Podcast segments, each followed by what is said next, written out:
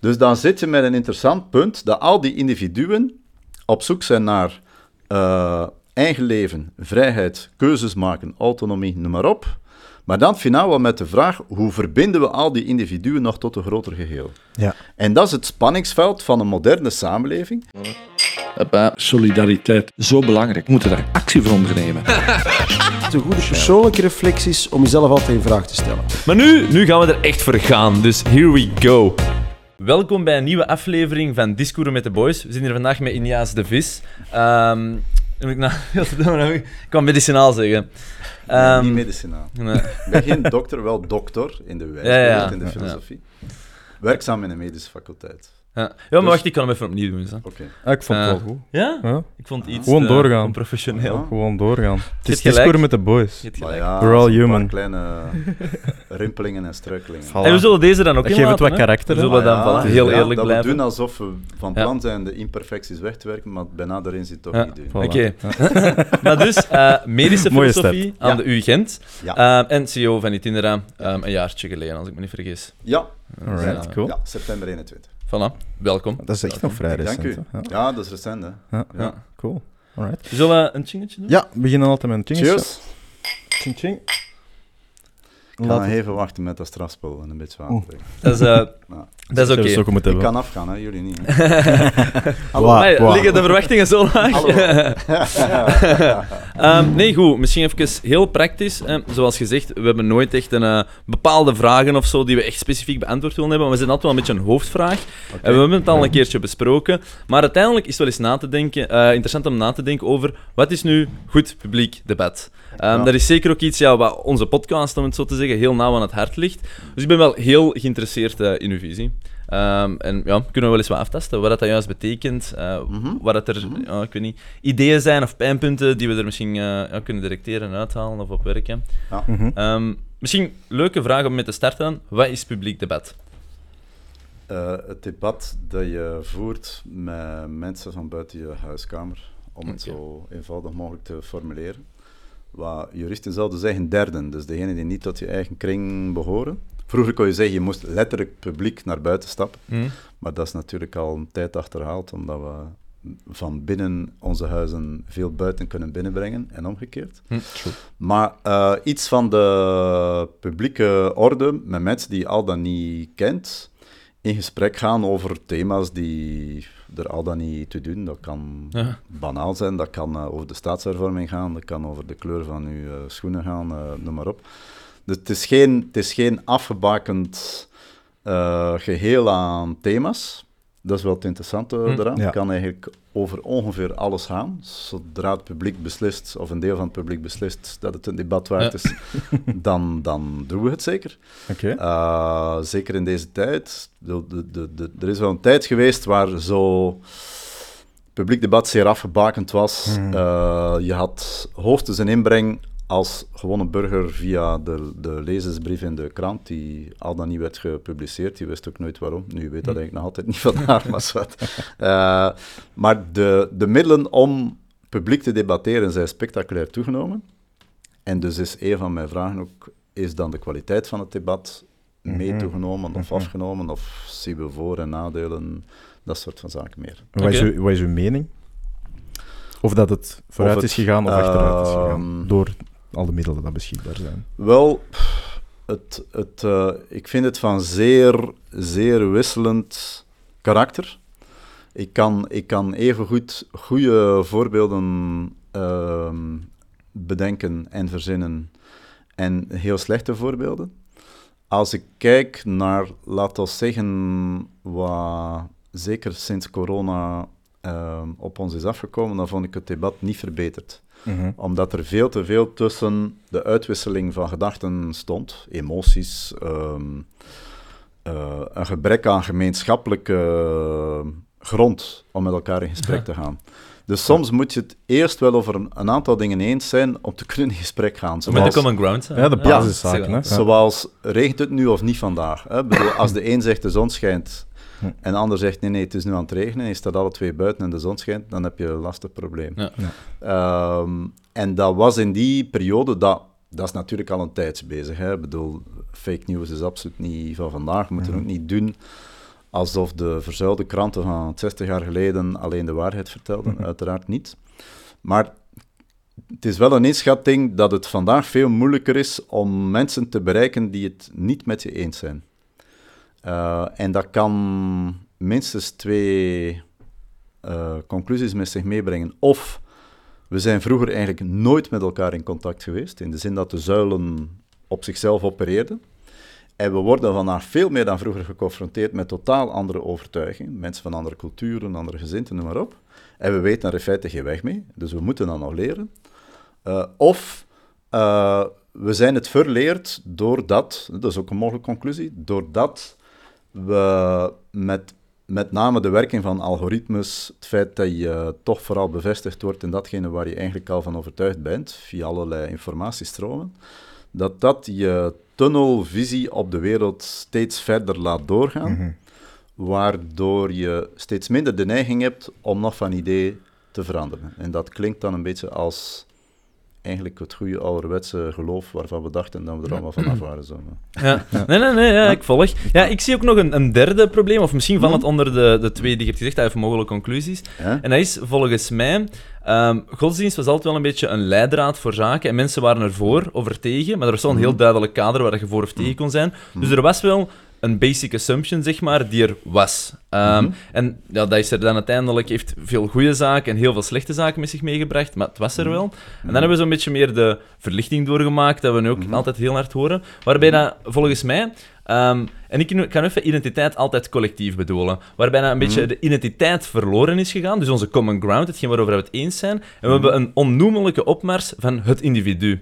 Ehm, waarbij dat eigenlijk altijd zegt, ja, iedereen leeft in zijn eigen wereld, of heel de wereld draait rond u. En ik denk, die twee zijn eigenlijk tegelijk, eh, of hebben tegelijk plaatsgevonden, dus het afnemen van de common ground, maar het toenemen van het belang van het eigen gedachtegoed, waardoor dat we volgens mij lichtjes verdwaald zijn geraakt in onze eigen arrogantie. En ik denk dat we heel veel goede normen en waarden, die leiden tot degelijkheid, zoals verantwoordelijkheid nemen over jezelf, een beetje self-control, al die soort zaken, hebben afgenomen. En ik denk, dat is volgens mij een basis die er moet zijn, een vorm van degelijkheid. En dan kun je met elkaar in dialoog gaan. Maar als er eigenlijk al inderdaad geen regels zijn over hoe emotioneel mag ik reageren, of mag ik... Dus er moet een soort van respect zijn, een klein basiskader waarover dat we het eh, eens kunnen zijn, los van cultuur, los van alles, ehm, om volgens mij de dialoog aan te gaan.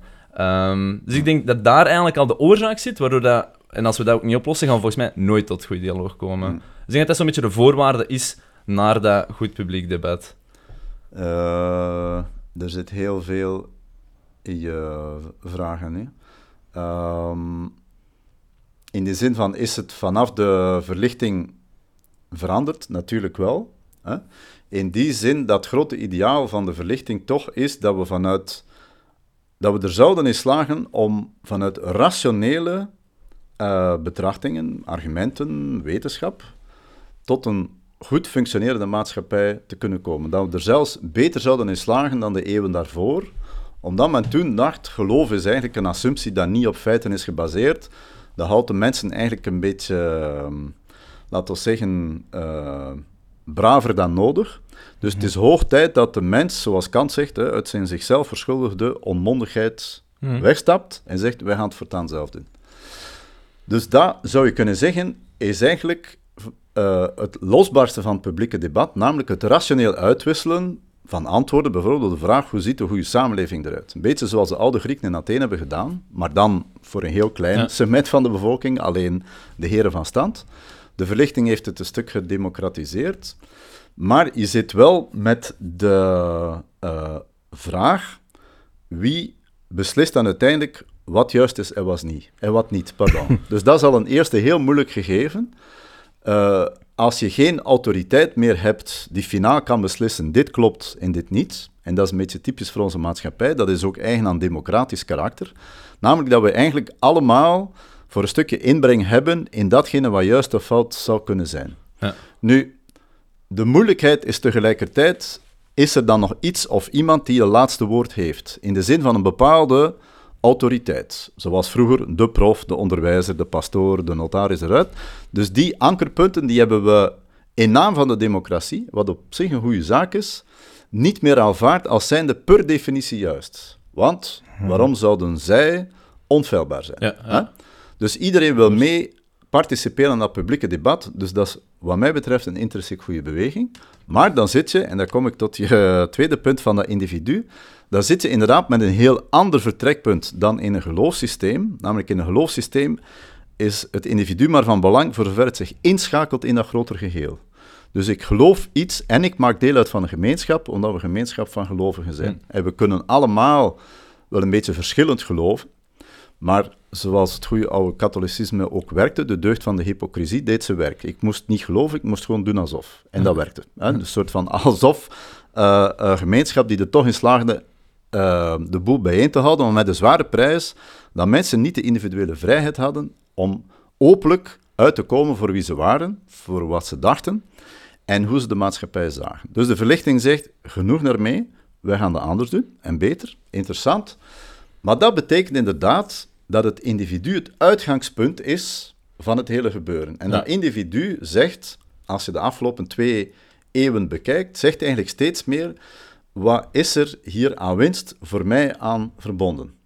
Ik sta in de wereld, ik heb een aantal waarden en normen, ik wil eh, dit ideaal in het leven realiseren en zo verder. Ik ben de protagonist van mijn eigen verhaal. Ja, dus ik ben, ik ben eh, eigenlijk mijn eigen naamloze vennootschap. Hè? Ja. En, en alles wat, wat daartoe dienend is, is fijn. Alles wat een hinderpaal is, is eigenlijk een soort van sta in de weg voor mijn vrijheidsbeleving. Dus dan zit je met een interessant punt dat al die individuen op zoek zijn naar eh, eigen leven, vrijheid, keuzes maken, autonomie, noem maar op. Maar dan finaal wel met de vraag, hoe verbinden we al die individuen nog tot een groter geheel? Ja. En dat is het spanningsveld van een moderne samenleving. En eigenlijk onoplosbaar in de zin van eh, dat dat spanningsveld nooit zal verdwijnen, omdat zolang je altijd het individu als uitgangspunt neemt, dat iedereen recht heeft op eigen normen, waarden, keuzes enzovoort, dan moet je altijd nog de brug kunnen maken van al die individuen naar zoiets als een algemeen gemeenschappelijk belang. Ja. Ja. En dan kom je bij dat publiek debat, hè, de res publica, de publieke zaak, delen wij iets met elkaar. Ja. En dat is nu net wat vandaag blijkbaar een heel grote moeilijkheid Ja, is. en ik vind dat een heel gemakkelijk antwoord. Want ja, onze menselijkheid. Want Ja. iedereen heeft verdriet. Iedereen heeft een soort van, ik wil iets doen met mijn leven. Iedereen heeft een bepaalde angst. I- Ja. Dus als je, denk ik, Ja. onszelf soms minder persoonlijk bekijkt, maar iets meer categoriseert naar stromingen of bewegingen of concepten die gewoon gaande zijn, dan merk je dat dat ja, verdeeld is over alle mensen en exact hetzelfde is. Dus ik denk wel dat er een, een mega relatability is tussen alle mensen. Ik denk iedereen, Ja. of de meeste mensen, Ja, ja, ja, ja. willen wel Ja. het goede. De meeste mensen willen X, Y, Z.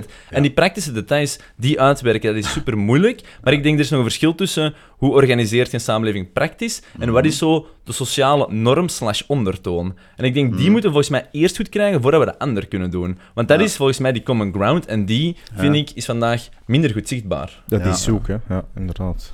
Wel, er is natuurlijk ergens een kader dat daaraan refereert, namelijk de, de mensenrechten, Internationaal Verdrag voor de Rechten van de Mens, dat expliciet uitgaat dat elk mens, waar die ook geboren is, welke cultuur, afstamming enzovoort, recht heeft op een aantal rechten, omdat die mens is. Ja. Nu, Maar- blijkbaar is dat een onvoldoende basis Ja. om het werkzaam te laten zijn op, laten we zeggen, mondiaal niveau. Hè? Want we hadden op een bepaald moment wel gedacht, zeker toen de muur viel in 1989, de oude ideologieën die eh, tientallen jaren strijd geleverd, die brokkelden uiteen. En toen hadden we gedacht, voortaan bestaat de wereld uit een soort van eh, management van rechten en vrijheden en keuzes.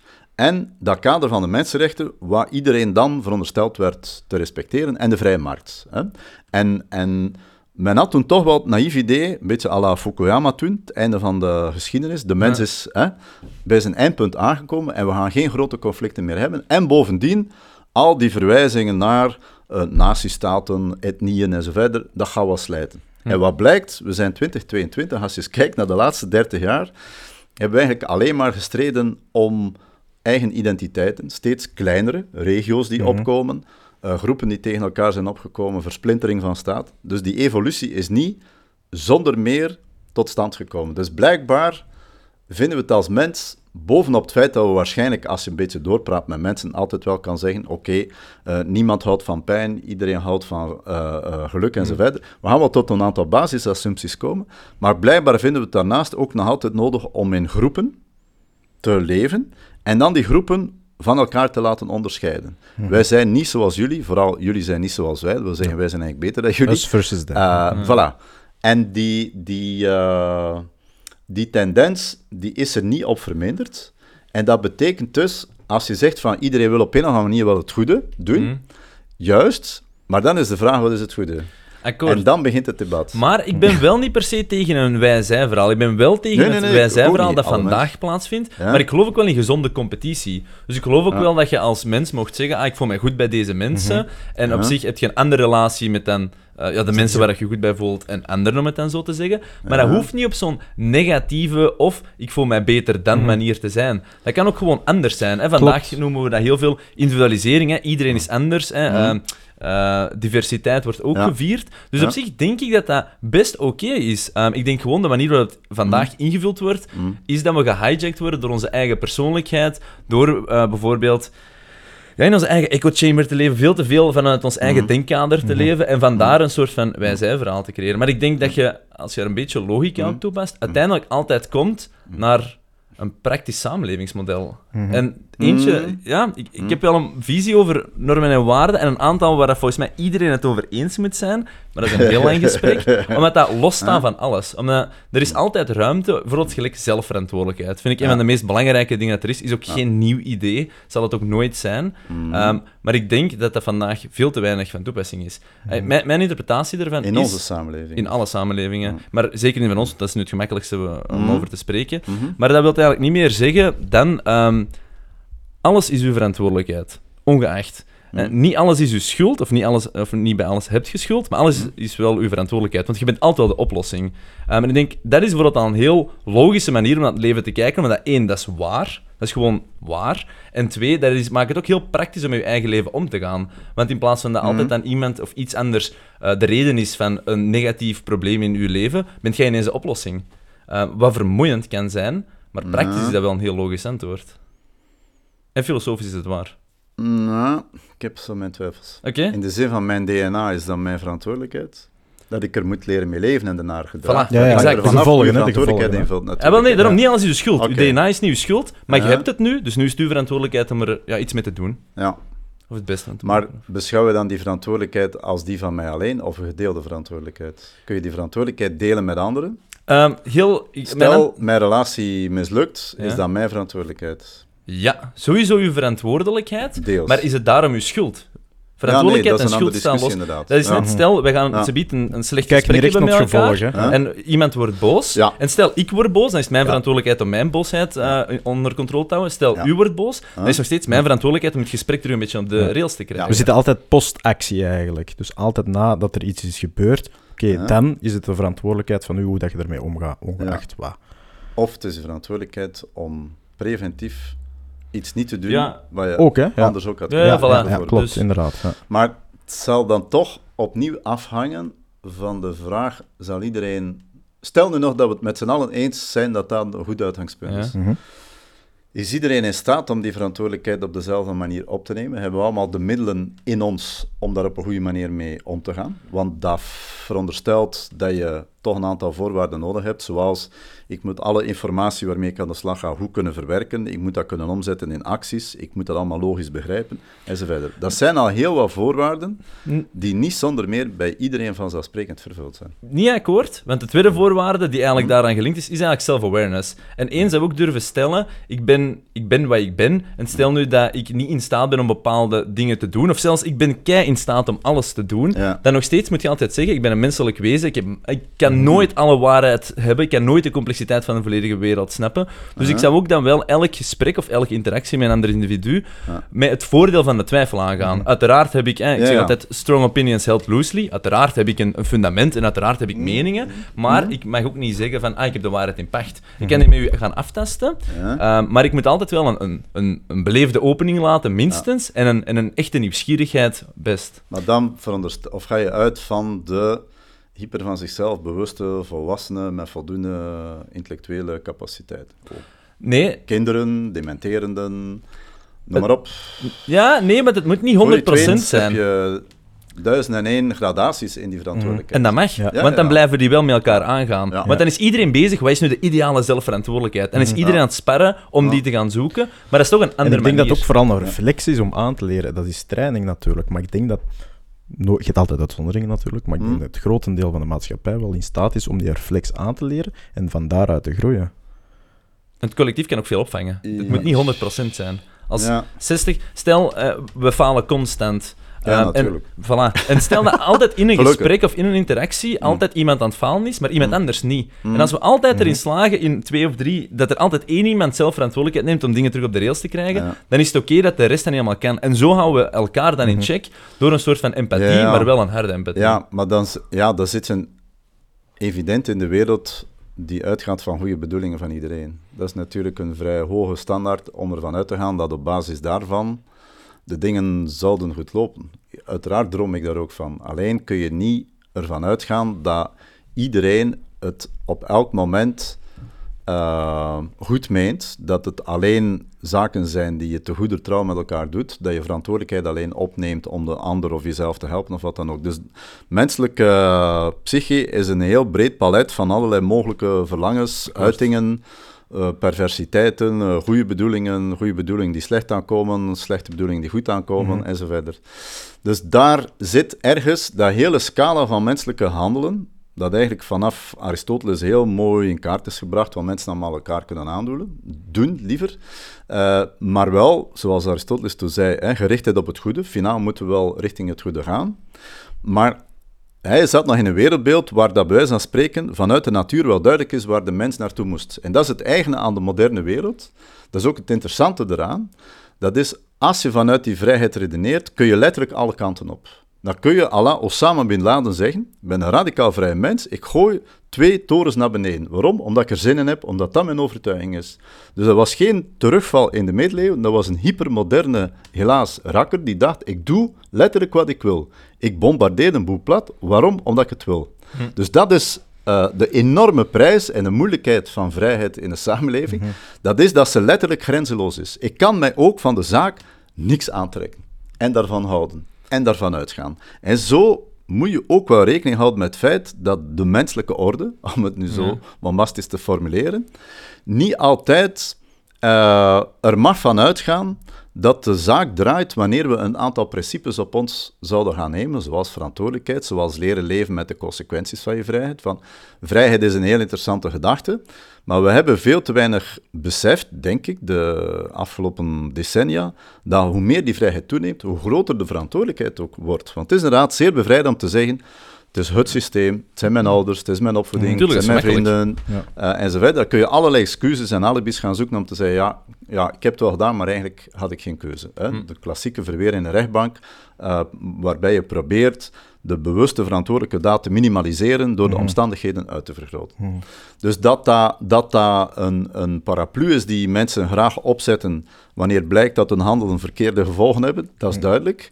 En wanneer het meevalt, dan gaan we de merites proberen nog sterker te maken om te zeggen, kijk eens, Ja. het is wel ik die het Ja. gedaan heeft, kijk naar mij, succesvolle Dat zal, dat zullen niet de vrienden en zo Nee, geweest zijn. voilà. Dan zijn het niet de vrienden, niet de ouders, maar dan heb je zelf je succes bereikt. Dus we zitten ergens op dat snijvlak.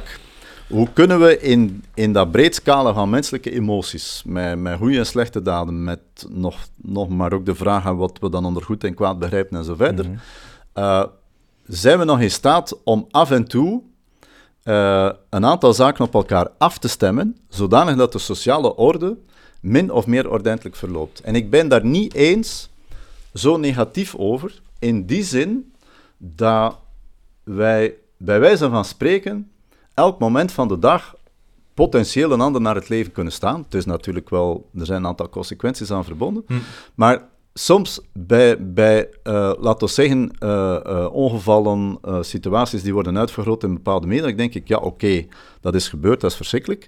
Maar in 99,99% van de gevallen loopt het al bij al vrij ordentelijk. Dat wil niet zeggen dat we blind moeten zijn voor de conflicten, maar we moeten het ook niet gaan overdramatiseren als je pakweg, zoals in België, met 11 miljoen mensen samenleeft, van de meest diverse origine, waarbij ik zeg dat is goed en mijn buurman zegt ja, nee, eigenlijk is dat goed. En we moeten toch op een of andere manier goed stellen met elkaar. Dan staan we voor de opgave, hoe gaan we dat nu doen? En we hebben een tijd lang gedacht, in de liberale democratie, weet je wat? Als we het niet over de inhoud eens raken, als ik niet met jou overeenkom over wat goed is, dan gaan we formele spelregels opbouwen waarbij we afspreken dat we allebei recht hebben op onze eigen overtuiging. Geniale uitvinding van de liberale democratie. Ik respecteer jouw mening, jij de mijne en we doen alle twee naast elkaar verder. Dat bleek tot een eind te kunnen werken, tot op het moment dat die vrijheid van de een in feite de democratie ging uithollen. Eén eh, bekend voorbeeld, vrouwenbesnijdenis. Als je zegt in liberale democratie, iedereen heeft recht op zijn vrijheid, maar de een zegt ik ben voor vrouwenbesnijdenis, dat is niet te combineren in een land waar je zegt vrouwenrechten zijn een heel belangrijke zaak en dat kunnen we niet op elkaar afstemmen. Dus dan, dat is eigenlijk het conflict waar we eind vorige eeuw zijn op uitgekomen, dat is dat al die individuele normen en waarden, als je die radicaal vrijlaat, dat die inderdaad letterlijk alle kanten op kunnen. En dat je dan plots als rechtsstaat beseft, oei, we gaan toch een aantal meer inhoudelijke spelregels met elkaar moeten afspreken om de zaak bijeen te houden. En dat is de moeilijkheid vandaag, dat we zelfs vaak het niet meer over die fundamentele spelregels eens raken, omdat de een zegt de wereld is plat en de ander zegt de wereld is rond. Ja, ik ben... Maar dan wordt het ook heel complex, hè, als je constant uitzonderingen polt. Zo, en daar loopt het juist vast, denk ik. Hè. Dus dat is ook Mhm. niet de oplossing. Dus moeten we dan volledig terug gaan kijken van voordat het liberalisme met dat antwoord komt, is er dan een betere manier om een compromis te vinden zonder dat we elkaars dingen... Moeten we dan toch iets harder gaan op dat inhoudelijke om daar de compromis te vinden? Ja, je zult het Of, of sociaal- moeten we dan ergens Ja. ertussen gaan zoeken? Je, je, je zult het sociaal contract, dat eigenlijk bij het begin van de verlichting toch het ideaaltype was van mensen zullen wel inzien dat als ze allemaal vrij zijn, dat het beter is om een stukje van hun vrijheid af te staan in ruil voor centraal gezag, dat dan de zaak reguleert, zodat Mhm. we niet dag in dag uit met elkaar in conflict raken. Eh, ik aanvaard een aantal grenzen en jij ook. Mhm. En in het gezamenlijk aanvaarden van die grenzen is het leefbaar. Mhm. Hè? Dat is zo ongeveer de basisafspraak geweest. En die heeft inderdaad een tijd gewerkt. Maar dan moet je het wel eens zijn over het feit dat de vrijheid van de een niet die van de ander mag gaan bedreigen. Maar, en bovendien, dat is dat mensen ook dan moeten bereid zijn om zich in de publieke orde, en dan komen we bij dat publiek debat, ja. in de publieke orde die spelregels te aanvaarden. Want in democratie zeggen we eigenlijk, thuis mag je ongeveer alles doen wat je wilt. Tenzij het echt gaat om huiselijk Ja, geweld. wel of- gaat, ja. ja, dat is Maar dan zeggen we eigenlijk, wat, wat jij thuis doet, als jij de deur dichtslaat, daar heeft de staat zich niet mee te bemoeien, en terecht. Maar als je publiek gaat acteren, denk aan discussies over hoofddoeken, eh, burkinis enzovoort, eh, dan zijn er een aantal zaken nodig, omdat het gedrag van de een niet de ander zwaar mag gaan verontrusten. Hè, dat is wat de seculiere samenleving eigenlijk heeft bedoeld. Je mag geloven wat je wil, je mag ook in niets geloven, maar we moeten elkaars geloof respecteren en de een mag zijn geloof niet opdringen aan de ander. Maar dan moet je het wel daarover eens raken dat je dat ook niet gaat doen. En wel, dat is ja. natuurlijk geen vanzelfsprekende zaak. Nee, nee, nee, maar 100%. En ik ben helemaal akkoord. Maar ik vind uw assessment van, ik ben niet zo, ehm, of eh, dat het vandaag eh, best wel oké verloopt. Ik- mijn mening is dan, van, ik vind dat je niet streng genoeg bent. Ehm, ik vind echt kunnen. wel dat we veel te ehm, dat weet ik. terug wat meer degelijkheid mogen opeisen. En er wordt vaak gerefereerd... wat begrijp je onder degelijkheid? Ah, wel, dat is die zelfverantwoordelijkheid. We kunnen daar echt wel eens wat dieper... Ja. Maar ik bedoel, er zijn wel een paar... Ook, is ook gelijk self-control. Ook een hele belangrijke. Ik denk dat we allemaal onze... Dat is een beetje de instant gratification eh, samenleving waarin dat we leven. Ik denk dat we daar Ja. best ook wel mogen van opstappen, afstappen. Aha. En dat is onze verantwoordelijkheid. En te vaak kijk ik ook naar bedrijven die ja, hun marketing op een bepaalde manier doen, et cetera. Mhm. Maar ik geloof toch altijd dat er zoiets is als een impuls, een actie, en er zit een kleine pauze tussen en dat noem ik bewustzijn. En daar wil ik echt eh, toch wel de nadruk op leggen. Mhm. Maar bon, eh, om terug te komen, ik denk dat degelijkheid, en veel mensen gaan dat echt wel begrijpen en een Mhm. soortgelijke context geven, ik denk dat dat ook voorop vrijheid moet staan. Ehm, en wa- waarom? Omdat degelijkheid is ook een vorm van een keuze, maar dat is gewoon een heel praktische keuze. Eh, omdat ik denk dat dat de enigste manier is om eigenlijk ook gewoon als samenleving vooruit te gaan. En ik denk dat die degelijkheid het, Mm. dat de voorwaarde is voor het publiek debat, want we maken hier een onderscheid tussen private en publieke sfeer, Mhm. maar daar geloof ik niet volledig in. Ik geloof inderdaad... eh, Ja, maar we moeten het perspectief bekijken. Hè? Dus ik heb het niet vanuit overheidsperspectief, hoe moeten we een samenleving runnen, maar hoe moet je jezelf runnen. En denk, Ja. als er zo'n grote discrepantie is tussen wie dat je bent in je publiek leven en je privéleven, dan is er een probleem. Dus ik, uiteraard zijn er wel reflexen, uiteraard als we onder elkaar babbelen, en dan zijn we wel losser, et cetera, omdat we bevriend zijn. Daar niet van. Ehm, maar die moeten toch wel een beetje gelijk liggen. Dus voor mij is als je ziet bijvoorbeeld hè, het eh, publiek debat als dat vervuild is, dat voor mij een ehm, symptoom van eigenlijk geen zelforde hebben in de eerste plaats. Eigenlijk de privésfeer ook vervuild is. Want daar zie je eigenlijk het meest degelijke van de mensen van wie dat ze zijn in hun individueel leven die samenkomen. Maar als dat het resultaat is, zeg ik niet goed genoeg. Mm.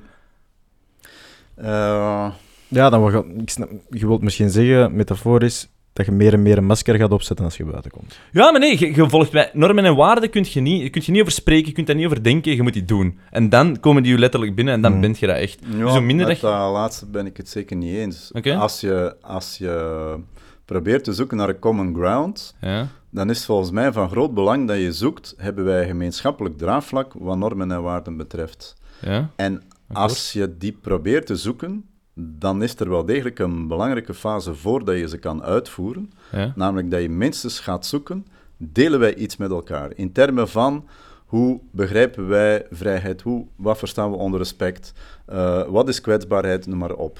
En de volgorde of de rangschikking die je maakt tussen die Mhm. waarden, denk aan de discussie die we hadden over de vaccins tijdens COVID, dat was de hele tijd hetzelfde. Iedere groep, voor iedere groep had je wel een argument om die eerst te plaatsen, omdat je voor elke groep vanuit een ander principe wel een prioriteit kan geven. Dus het is niet vanzelfsprekend dat je zomaar kan zeggen, en nu gaan we die normen en waarden uitvoeren, als blijkt dat we ze niet eens delen met elkaar, dan zal iedereen, en dan zit je eigenlijk in de apotheose van wat je net aanklaagt, dan zal iedereen voor zichzelf doen wat hij denkt te moeten doen. En dat is uiteraard niet de bedoeling. Dus als je die afstemming vooronderstelt, dan ga je wel moeten zoeken naar een draagvlak. En het feit dat wij nu eenmaal leven in een samenleving waar mensen, weet ik veel, zowel uit Afghanistan, uit een boerengemeente in West-Vlaanderen, uit weet ik veel waar ter wereld ook afkomstig zijn, die delen met elkaar a priori niet zonder meer heel veel.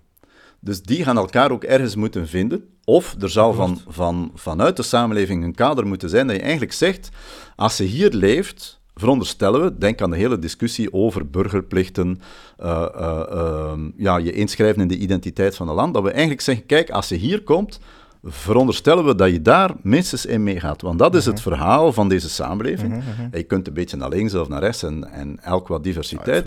maar je kunt bijvoorbeeld hier niet verwachten dat wij zeggen, lang leven de vrouwbesnijdenis. Waarom? Omdat we in een liberale democratie leven en individuen rechten hebben en dat dat een geweldpleging is op een individu. Ja. Maar dan moet je wel actief gaan bewaken, via opvoeding, onderwijs, inderdaad ook publiek debat, dat je, dat je mensen meekrijgt. Dus wat we te lang, denk ik, hebben gedaan, is verondersteld dat als ieder zijn eigen ding kan doen, dat het daarmee zou geklaard zijn. En wat bleek, dat we een te weinig gedeeld collectief verhaal hadden, waardoor iedereen inderdaad zijn eigen weg ging, letterlijk. En je vaststelde dat de conflicten steeds groter werden en de kloof tussen verschillende bevolkingsgroepen er ook steeds groter op werd. Dat is dat bepaalde bevolkingsgroepen niet heel contact hebben met anderen. En ze wonen in dezelfde straat, Zeker. buurt of wijk. Dat is niet Dus samenleven, hè. dat sociaal weefsel is voor mij een cruciale factor in de mogelijkheid om met elkaar te kunnen samenleven. Dat je minstens een klein beetje weet waar de ander mee bezig is, die probeert te begrijpen, en dan in de uitwisseling daarvan kijkt waar je op uit kan lopen. Ik ben 100% akkoord. Dus Aha. volgende vraag. Waarom bent jij niet akkoord met mij? Wat heb ik gezegd dat je dan misschien op een bepaalde manier interpreteert dat je zegt van... hmm, Wel, dat punt van de, dat je zei, normen, daar moet je niet over denken, je moet ze onmiddellijk doen. Hè? Dat was een van je, van je Eh, punten. Ik zei, je kunt, nee, vooraleer je die doet of uitvoert, moet je wel eerst gaan zoeken naar het gemeenschappelijke draagvlak van waaruit je, met dat sociaal weefsel dat je opbouwt, tot een gemeenschappelijk verhaal kan Ja, komen. nee, normen en waarden opdringen heeft geen nut, want dat is godsdienst gewoon all over again. Dus dat is niet waarvoor dat ik pleit. Ik denk gewoon, ehm, begin bij jezelf. Ehm, je bent een mens, je groeit op. En ik denk door eigenlijk het traject met jezelf echt heel soms eenzaam te durven bewandelen, ehm, denk ik net dat je tot een bepaald aantal zaken komt die ervoor zorgen dan dat je goed in de samenleving bent. Voor dat Je heel zou ook het simpel... omgekeerde kunnen doen. Ja. Begin niet bij jezelf, begin bij de ander. En Ja, maar die dat is- bezig is. Daar geloof ik je- niet. ah, maar dan ga je de moeilijkheid of de opgave van hoe ga je van al die individuen zelf onderzoeken, individuele Ja. zelfonderzoeken, komen tot een gemeenschappelijk verhaal. Als blijkt dat het resultaat van die individuele zelfonderzoeken is dat we no common ground hebben, ja. dan heb je wat ze noemen in de geneeskunde een majeur probleem. dat je niet zonder meer opgelost krijgt. Dus het zou even goed de oefening kunnen zijn dat je uitgaat van de vraag, is er iets dat tussen ons te delen valt, dat misschien door mij een stukje kan worden herkend als iets van mezelf, maar ook weer niet helemaal, maar waar ik wel van bereid toe ben Ja. om daarin mee te stappen. Wel die menselijkheid, hè. Maar hoe kun je je menselijk gedragen als je nog niet eens de blind spots hebt verwerkt van je eigen arrogantie, waardoor dat je niet inziet hoe menselijk dat je bent? Eh, ik vind dat een moeilijke uitspraak. Want je suggereert nu dat we eerst allemaal een soort van, moet ik het zeggen, eh, therapeutisch proces moeten doormaken vooraleer we mens kunnen Akkoord. zijn. Ja, ja, zeker. Is dat je punt? Of? Ehm, ja, dat is zeker een, een harde Ja. kant ervan. Hè? Ehm, maar ik denk een light versie ervan zeker, omdat ik puur denk... ehm, het is heel moeilijk om je gezond te verhouden ten aanzien van anderen als je niet gezond bent met jezelf, want dan gaan anderen een doel worden, of nee, erger nog, een tool voor een eigen doel. Ja, en ik ja, geloof wel dat we allemaal relatief arrogant zijn, dat we letterlijk de protagonist van ons eigen verhaal zijn. Het is heel moeilijk om je letterlijk te verplaatsen in andere mensen in hun leven. Ehm, dus als er niet een bepaalde satisfaction bij jezelf zit, en eh, ik denk dat verantwoordelijkheid opnemen en al die dingen een soort van gezonde trots kan brengen, en inzicht, Mhm. ehm, dan creëert dat volgens mij een soort van respectvolle basis waarmee dat je dan in dialoog kunt gaan. Maar mijn standpunt is wel, Mhm. Volgens mij, altruïsme bestaat maar enkel door ehm, een bepaalde controle over jezelf te hebben. Ik heb eerder de gewoonte om te redeneren in termen van ehm, betrokkenheid. En, en niet te spreken in termen van egoïsme of altruïsme. En wat is de tegenhanger van betrokkenheid? Eh, onverschilligheid. Oké, zo. va. Omdat het is best mogelijk dat ik iets en uit eigen belang doe en tegelijkertijd ook de ander kan dienen. Ja, dat is de ideale Ja. win-win situatie, Ja. daar moeten we naartoe. Ja, maar 100%. dat is niet vanzelfsprekend het geval. Helemaal Nee, niet. Uh, maar ik bedoel, natuurlijk zijn, zijn we allemaal ergens op de een of andere manier op zoek naar onze plaats onder de zon, een stuk zelfbehoud, eh, noem maar op. Identiteitsvorming, je wil je plaats in het leven, enzovoort. Tegelijkertijd is het onvermijdelijk dat we dat traject dat we afleggen ook altijd met anderen doen. Waar we ons van nabij op betrokken weten, waar we van op afstand ons mee identificeren Mhm. enzovoort. Dus een van de, van de boeken die ik een aantal jaren terug heb geschreven ging over empathie en de grenzen daarvan. Ehm, dat, en dat heeft eigenlijk te maken met die menselijkheid. Je zou kunnen zeggen, ja kijk, empathie is een heel belangrijke voorwaarde ehm, dat ook veronderstelt dat je voor jezelf wel helder hebt waar je naartoe wil in het leven. Maar een heel belangrijke voorwaarde om betrokken te zijn op elkaar. Tuurlijk, de moeilijkheid van empathie is dat het zijn grenzen kent. Ik kan niet met alles en iedereen ten alle tijde betrokken zijn. Ik kan betrokken zijn met ehm 20 vrienden, 100 familieleden, eh eh desnoods duizend. Ik kan meeleven met het feit dat als de moeder van mijn vriend sterft, ga ik naar de begrafenis, ik leef mee. Als de moeder van een vriend van een vriend sterft, ga ik misschien ook nog meeleven, want ik ken die vriend van die vriend enzovoort. Maar als we in de derde graad zitten, dan ga ik denk ik die zaterdagochtend niet naar de begrafenis. Niet dat die moeder mij niks kan schelen, maar ik ben er ni- niet op Ja, betrokken. er is geen Dus relatie. als je, als je bewust gaat redeneren in termen van empathie, hè, we delen de menselijkheid en dus zijn we allemaal betrokken op elkaar, dan zie je dat dat werkt in een, laat, tot op een bepaald niveau, in een relatief kleine kring. Mhm. Dat kan even goed zijn, ik ben betrokken op die walvis die nu verdrinkt voor de kust van de Atlantische Oceaan, of de, de bomen, eh, weet ik veel, ergens in Californië die aan het opbranden zijn. Dus het hoeft niet per se mijn, letterlijk mijn eigen fysiek dorp te zijn, Nee, nee. maar de betrokkenheid op anderen, die kan heel sterk zijn, maar daarom is ze ook gelimiteerd. Als, als je denkt dat je er met empathie alleen komt in termen van de verbinding te kunnen maken en daar een gedeelde menselijkheid te vinden, dan gaan we dat alleen in abstracte termen kunnen, maar in de praktijk ga nooit versnipperd? met 7 miljard mensen Ja. kunnen meeleven. Ik het zelfs niet met mensen van het dorp of de stad hiernaast kunnen doen. Ik, ik zou van, van, van zeer waarschijnlijk 98 procent van de Belgen een leven weet ik niets. Laat staan dat ik betrokken ben. Dus ben ik daarmee bezig? Nee. Dat klinkt dan meteen zeer brutaal. Wil dat Nee, erom zeggen dat ik niet geef om mijn leven? Natuurlijk wel. Maar ik ben er letterlijk niet op betrokken. Oké. Hè? Dus Ja. is het ook van belang, en dat is ook de, de moeilijkheid, dat we abstracte systemen overhouden, zoals bijvoorbeeld sociale zekerheid, noem maar op, waarbij we dingen herverdelen tussen mensen, ook al kennen die elkaar persoonlijk niet. Akkoord. Dus dat zijn eigenlijk onverschillige systemen. Die stellen mij niet de vraag, kijk, Eh, als jij 600 euro van je, van je wedden elke maand afgeeft aan de sociale Mhm. zekerheid en er wordt ergens verdeeld, weet ik veel, doordat er nu een man heeft zijn been gebroken in Charleroi, Mhm. die moet mij gelukkig niet komen bellen te zeggen, ah, dank u wel. Dan zeg ik, ja, nee, ik Ja. heb liever gebroken armen, sorry, het is niet voor jou. Ja. Dat Kun doen we dat niet, even hè. terugstarten? We, we regelen dat anders, omdat Ja. we ook hebben gezien dat het meeleven met elkaar vanuit, of dat nu verantwoordelijkheid is of gehechtheid aan anderen, maakt op zich niet uit, maar dat dat ook grenzen kent en dat als je in een grotere samenleving wil functioneren, dat je die complexiteit ook anders moet gaan Ik organiseren. ben 100% akkoord. En dan kun je niet alleen maar gaan zeggen, als mensen maar vanuit de zelfverantwoordelijkheid gaan leven, dan komen er wel. Je hebt ook nog veel andere dingen nodig die een samenleving draaien. 100%, maar dat is eigenlijk allemaal het gevolg ervan. Ik denk waarover ik spreek, Mhm. is dit is geen praktisch antwoord voor een samenlevingsmodel van democratie, autocratie en al die Ja. andere vormen ertussen, of misschien diegene nog niet hebben ontdekt, maar eerder een, een stijl. En ik denk dat we als, als mens, als collectief, als je Ja. gewoon kijkt, veel stijl hebben verloren. En dat link ik wel aan normen en waarden die we niet meer delen en wat ik dan noem, hè, als algemene noemer, degelijkheid. Ja. En ik geloof wel dat al die systemen die je nu benoemt, die zeker ook hun gaten en hun scheurtjes vertonen, Mhm. dat daar een deel van eh, de oplossing ook wel de stijl kan zijn van hoe dat we dat aanpakken. Hè, om iets heel praktisch Mhm. eh, eh, te duiden, is het politiek debat vandaag, hè, wat Mhm. ook heel kort gelinkt is met publiek debat. Mhm.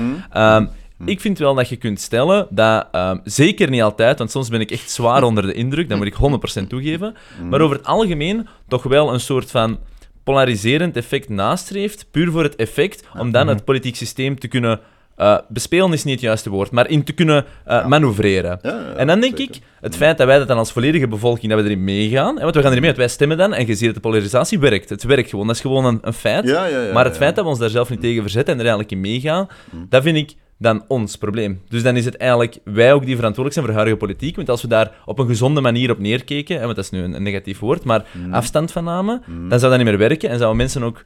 Zou er meer degelijkheid in het politiek debat zijn. Dus voor mij is eigenlijk het hele gegeven een gevolg van heel veel individuen die de eigenlijk ja, gehijacked worden op dat instant gratification, die emoties, whatever dat er speelt. En dat we daardoor een soort van stijl zijn verloren. En al die praktische gevolgen die je nu zegt, ik vind het prachtig waar dat we staan, maar er is ook nog veel werk. En ik denk dat we onze stijl terug onder controle moeten krijgen als we dat werk goed willen doen. Ja, er wordt heel veel misbruik Ja. gemaakt van de beïnvloedbaarheid, denk ik. Ja. En Mhm. de maatschappij van vandaag, Mhm. die doet twee dingen niet meer. Dat is één, nadenken voor hun Mhm. En Mhm. twee, allee, dat is nu heel cru gezegd. En twee, Ja. logisch nadenken als ze het dan doen.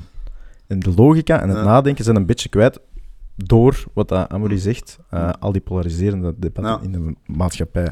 En ik denk dat daar Mhm. ook een heel sterk begin zit om, om terug op te pakken eigenlijk.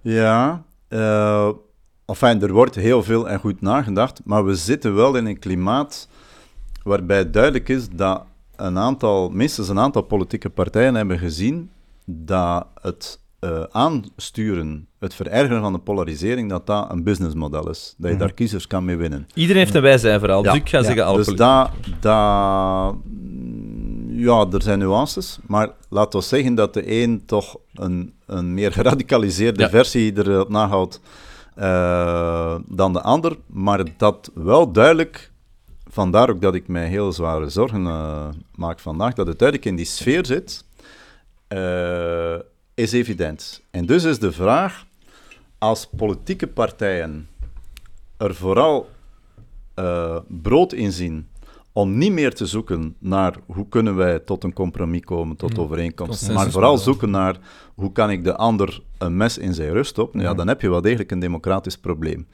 In die zin dat de democratie, ik val daar een beetje terug op een, ehm, een Franse filosoof van de eh, vorige eeuw, Claude Lefort, die vond ik heel mooi de democratie omschreef als een georganiseerde manier van ruzie maken.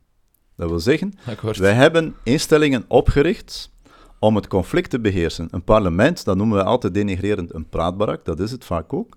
Maar in feite dient dat daartoe, namelijk, we richten een plaats op waar we verbaal met elkaar in de clinch gaan om het niet fysiek te moeten uitvechten. Want we willen niet terug in de godsdienstoorlogen terechtkomen waarbij we weten, als ik denk dat dat mijn waarheid is en jij denkt het jouwe en we vechten het uit met middel, we raken er niet uit tot de een de ander heeft Ja. kapot gemaakt. Dus dat gaan we niet doen. Maar dat wil dus wel zeggen, vandaar zijn punt ook, georganiseerde manier van ruzie maken. Dus ruzie maken veronderstelt een aantal voorwaarden. Dat is dat, dat je toch in staat bent om naar anderen te luisteren. Dat je finaal wel bereid bent tot een bepaalde manier van nuance van je eigen standpunt. Mhm. En dat je finaal wel uit bent op het instand houden van het algemeen belang. Als voorwaarde om te kunnen ruzie maken met elkaar. Hè? Ja. Nogmaals, verwijzing naar de oude Grieken, ontstaan van de democratie. De agora als plein waar mensen bijeenkwamen om te discussiëren over de vraag hoe moeten we de samenleving inrichten. Geniaal, want dan zeg je eigenlijk als mens voor het eerst, goed wel in de geschiedenis, we gaan niet meer verder op die legendes en mythes en godenverhalen, we willen het zelf doen. Ja. Moeilijke opgave, maar Ja. zeer interessant. Dat is eigenlijk wat we in de democratie nog altijd zouden moeten doen. Mhm. Maar dan moet je wel een organisatiestructuur hebben waarbij het politieke systeem eigenlijk van de algemeen belang uitgaat. En dat is vandaag zelden het geval.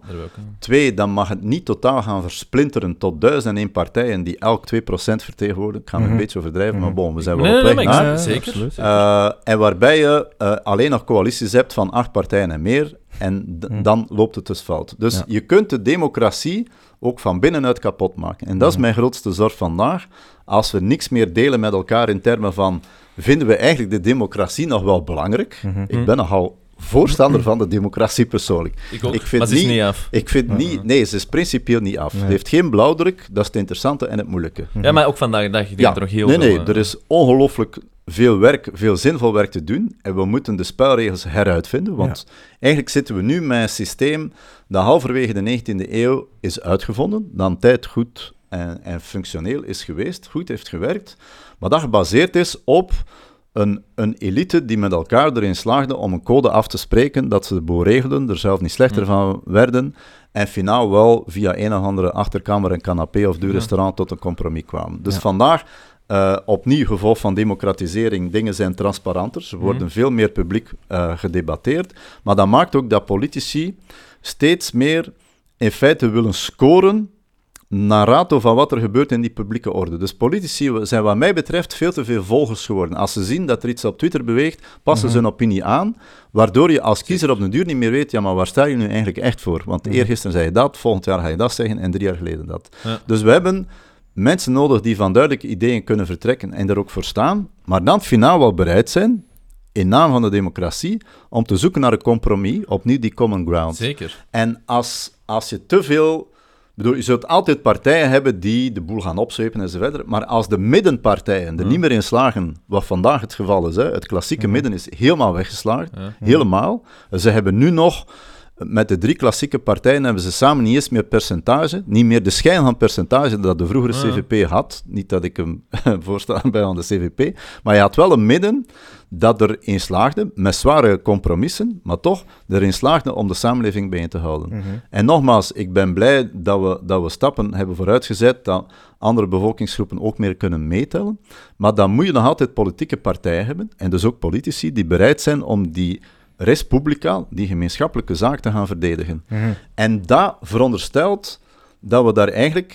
Ik ga nog een tweede punt van Claude Lefort zeggen. Hij sprak ook over een democratisch ethos. Dat wil zeggen een soort van eh, gebruik, eh, normering die we onszelf moeten aanleren, dat een democratie natuurlijk meer is dan die instellingen alleen. Als we alleen ja. zeggen we hebben een parlement, maar we doen er niks mee, dan is de democratie kapot. Als we met 11 miljoen zeggen, enfin, mogen er geen 11 miljoen gaan stemmen, maar bon, als we met 6 miljoen zeggen, we gaan niet meer stemmen, ja, dan gaan we dat niet meer doen, maar dan Ja. heb je geen democratie meer. Dat Als een ex-militair zegt, ik knal een viroloog neer omdat zijn kop me niet aanstaat, ja, dan heb je risicozones binnen de democratie. Als Capitol Hill bestormd wordt, dan zie je, wow, democratie is geen verworvenheid. Mhm.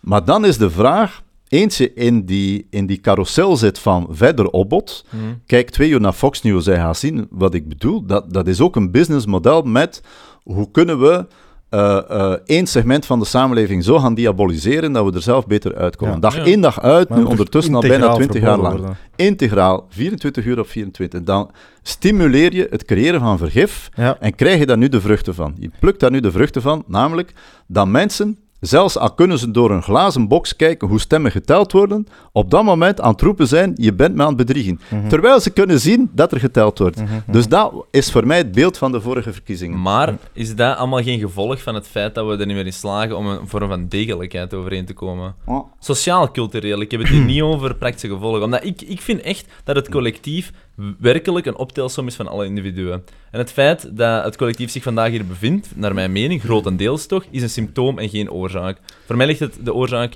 Ja, Individueel qua verantwoordelijkheid. maar je, Ehm, je moet ook het is die... een en dat is niet per se Het is praktisch, hè, wat ik zeg, Nee. maar het is wel waar. Want je kunt niet je- morgen collectief iets gaan opdwingen. Sorry dat ik je opnieuw onderbreek. Maar je Ja. kunt morgen niet collectief iets gaan opdwingen, want dan gaan mensen zeggen: Mijn vrijheden, hier ben ik niet mee akkoord, et cetera. Je moet echt een systeem gaan bedenken zodat mensen die, die Socratische eh, methode Mm. eigenlijk eh, gaan toepassen, op onderzoek gaan. En volgens mij aan tijd komt je tot een aantal conclusies. Nu, je mocht natuurlijk nooit cultuur en alle dingen die er zijn, mocht je nooit Mm. ontkennen. En er zit ook heel veel waarde in. Want ik geloof er ook in: geen enkel individu gaat ooit in één leven erin slagen om alle normen en waarden te kunnen ontdekken. Dus je moet inderdaad wel een basis hebben om te, te vertrekken. Maar dat die basis meer en meer moet een mindset worden van kritisch denken, van een aantal vragen stellen, van ook een aantal degelijkheid. En minder alles kan, alles mag vibe. Eh, wat dan die, die extreme uitgangskant is van vrijheid geweest tegenover dan de religie ervoor. Wat dat je nu ziet in het publieke democratische debat, hè, wat dat je zegt, hè, dat mes in de rug steken, ja, een indi- individu gaat dat ook kopiëren, dat spel. Want dat is hè, Mm. op een gegeven moment, dat zijn uw leiders, dus die gaan die manier kopiëren. En daar zit het probleem, hè, want dan wordt het ook verder op individueel niveau gezet. En als wij, als, als Mm. het publieke debat terug gaat naar wat het ooit was, Ja. en dat is mijn mening daar naartoe gaan en een visie en aftoetsen met de rest, om dan tot een consensus te komen. Als dat het voorbeeld is, Mm. zal het individu dat automatisch ook opnieuw gaan kopiëren. Waard- Waardoor dat we de slinger misschien terug naar een andere kant kunnen brengen. Mm. Dus ik denk, het is een samenhang. Hè? Ja. Ja, ik heb de neiging om, meer de, om minder de nadruk te leggen op alleen menselijk gedrag, in termen van individueel menselijk gedrag, en meer op de toch aanwezige, noem het machtssystemen, eh, ideologieën, belangen die er in de samenleving spelen. Eh, om daar een voorbeeld bij te geven, toen internet eh, opkwam, dachten we allemaal, god, dat wordt een gezellige ruimte, we gaan wat informatie uitwisselen en we gaan er allemaal Ja. slimmer van worden. Ten eh, komt de informatie nu veel sneller naar ons toe, we moeten niet meer fysiek enzovoort. Mhm. En op een bepaald moment leek dat ook zo te worden, maar wat blijkt vandaag, we raken niet meer door die informatiestromen heen.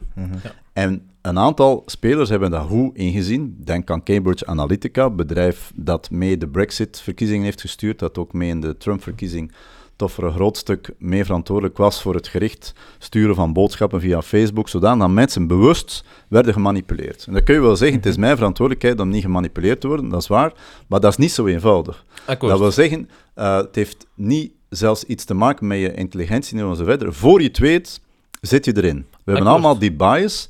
En wanneer we pas te laat doorhebben dat we eigenlijk mee, toch, ik ga niet zeggen dat wij daar het, het, het doelloze slachtoffer van zijn, maar we worden toch wel minstens eh, geprobeerd, gemanipuleerd te worden in een bepaalde richting. En ja. wat wij denk ik vandaag absoluut missen, is één, het besef daarvan, dat informatiestromen, ehm, dat, dat dat een heel andere samenleving met zich mee heeft gebracht. Dat niet meer de vraag is van, raak ik aan de informatie, maar wel de vraag, welke informatie is betrouwbaar? En dan kom je op een zeer interessant punt. Want waarom slagen mensen erin om eerst een wetenschappelijke paper zeer kritisch en secuur te lezen en de pijnpunten aan te duiden en vervolgens de grootste nonsens toch voor waar te aanhouden. Waarom? Omdat ze die eerste niet geloven en die tweede wel. Die vertrouwen ze. Zoals sommige Trump-kiezers ook hebben gezegd, zonder nu niet te veel op die ene man, maar bon, wat hij ook zegt, ik geloof hem, want hij is authentiek.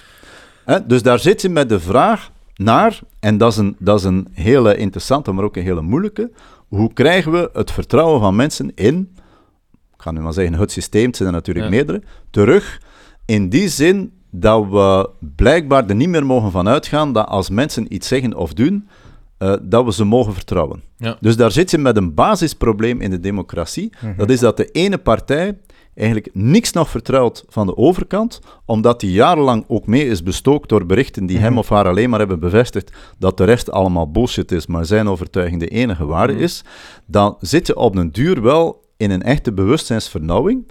En dat gaan we alleen maar kunnen tegengaan als we van kleins af aan leren om op een kritische manier met de informatie om te gaan. 100%. Want dat is eigenlijk bijna het werk vanaf de kleuterschool. Maar hoe kun je dan niet zeggen dat het geen eh, individuele verantwoordelijkheid is? Want net zoals je nu zei... Van, Omdat er al iets in mijn levensfase op zijn minst vooraf gaat aan mijn bewust in de wereld staan, zoals klein kind zijn, opgroeien in een bepaalde wereld.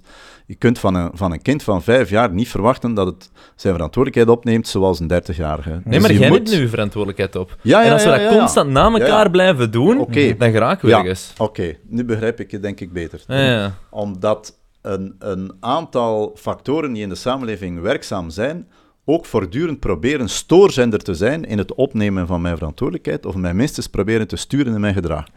En natuurlijk is het onze aller opgave om daar tegenin te gaan, maar het is wel verdorie moeilijk geworden. Ja. Net Absoluut. omdat we, en dat is het hele eh, debat vandaag, die klassieke autoriteiten van wat de wetenschapper zegt is waar, dat aanvaarden we niet meer zomaar klakloos. En nogmaals, vind ik een zeer goede zaak. We moeten minstens Ja. even kritisch zijn ten aanzien van wetenschappers.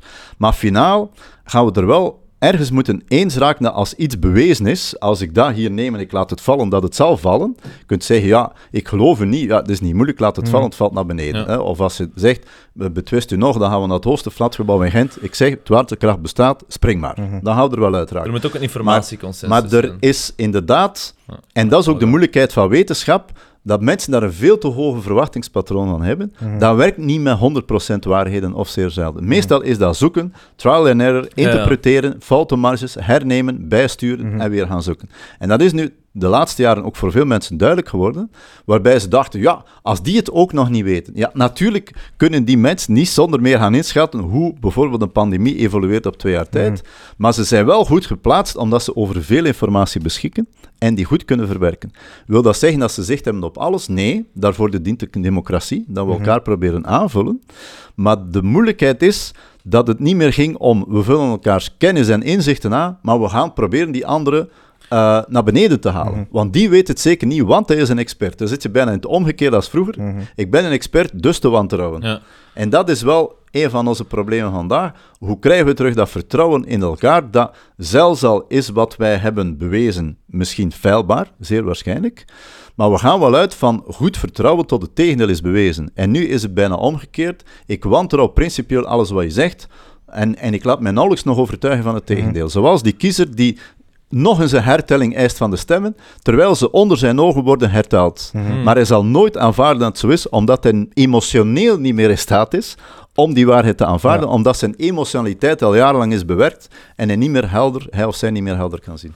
Wel, ik ben 100% akkoord. en ik denk, om niet in herhaling te vallen, dat Hm? vertrouwen en respect teruggecreëerd wordt door degelijkheid. Ja. Ik denk, we vertrouwen elkaar niet meer of we respecteren elkaar niet meer, omdat we zien hoe hypocriet, hoe arrogant, hoe, hoe snel dat het kan mislopen. En daarom dat we altijd, denk ik, ook stilaan met een zwaar eh, eh, probleem zitten op intentievertrouwen. We vertrouwen ook niemands intentie niet meer, omdat we gewoon de discrepantie te vaak hebben gezien tussen een leider of een X, Y, Z, die Y zegt en dan X doet. En Ja. die wisselwerking is Ja. te vaak voorgekomen, denk ik. En dat is het We zijn probleem. te veel Je merkt, het is een façade ge- geworden. Ja. Um, en we hebben ook die biologische hijack constant. Hè. We zijn allemaal mensen. We, ja, we filteren de wereld door onze hersenen eenmaal door bepaalde principes. We hebben allemaal bepaalde biases, zoals je het aangehaald. Um, en ik geloof inderdaad um, wel dat inderdaad een bewustwording, dat dat kan een externe verantwoordelijkheid zijn, maar die externe verantwoordelijkheid zal wel iemand individueel moeten opnemen. Dus daarom dat ik toch wel terugga naar die degelijkheid, die zelfverantwoordelijkheid, dus zelf dragen, zelfcontrole. Omdat ik ook denk dat dat op een bepaald moment, zelfs al bent je niet akkoord met mij nu, ehm, als je zelf een beetje draagt en et cetera, gaat het toch altijd wel een vorm van respect moeten hebben. En we kunnen nu heel oneens zijn met alles en iedereen, maar je vertrekt altijd de tafel met...